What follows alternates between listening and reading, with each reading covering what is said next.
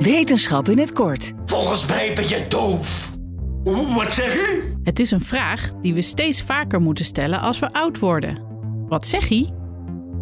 Hoe hard geluid binnenkomt is afhankelijk van de flexibiliteit van de haartjes aan de binnenkant van het oor. Deze haren versterken het geluid door van lengte te veranderen.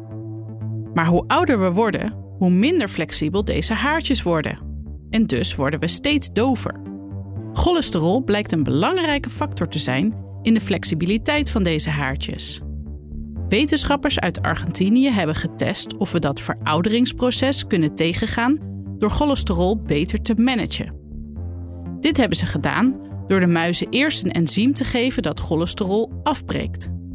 En vervolgens hebben ze de muizen fytosterolen gegeven. Dat middeltje zorgt ervoor dat cholesterol juist verhoogt. En wat bleek? De functie van de haarcellen aan de binnenkant van het oor werkte beter nadat de cholesterol weer omhoog ging. Het is nog geen sluitend bewijs, zeggen de wetenschappers. Maar het is een mooie eerste stap voor een simpele behandeling tegen ouderdomsdoofheid. Wil je elke dag een wetenschapsnieuwtje? Abonneer je dan op Wetenschap vandaag. Luister Wetenschap vandaag terug in al je favoriete podcast-apps. Ook Diana Matroos vind je in de BNR-app. Ja, inderdaad. Je kunt live naar mij luisteren tijdens de Big Five. Ook handig in de BNR-app. Breaking nieuwsmeldingen, maar ook het allerlaatste zakelijke nieuws.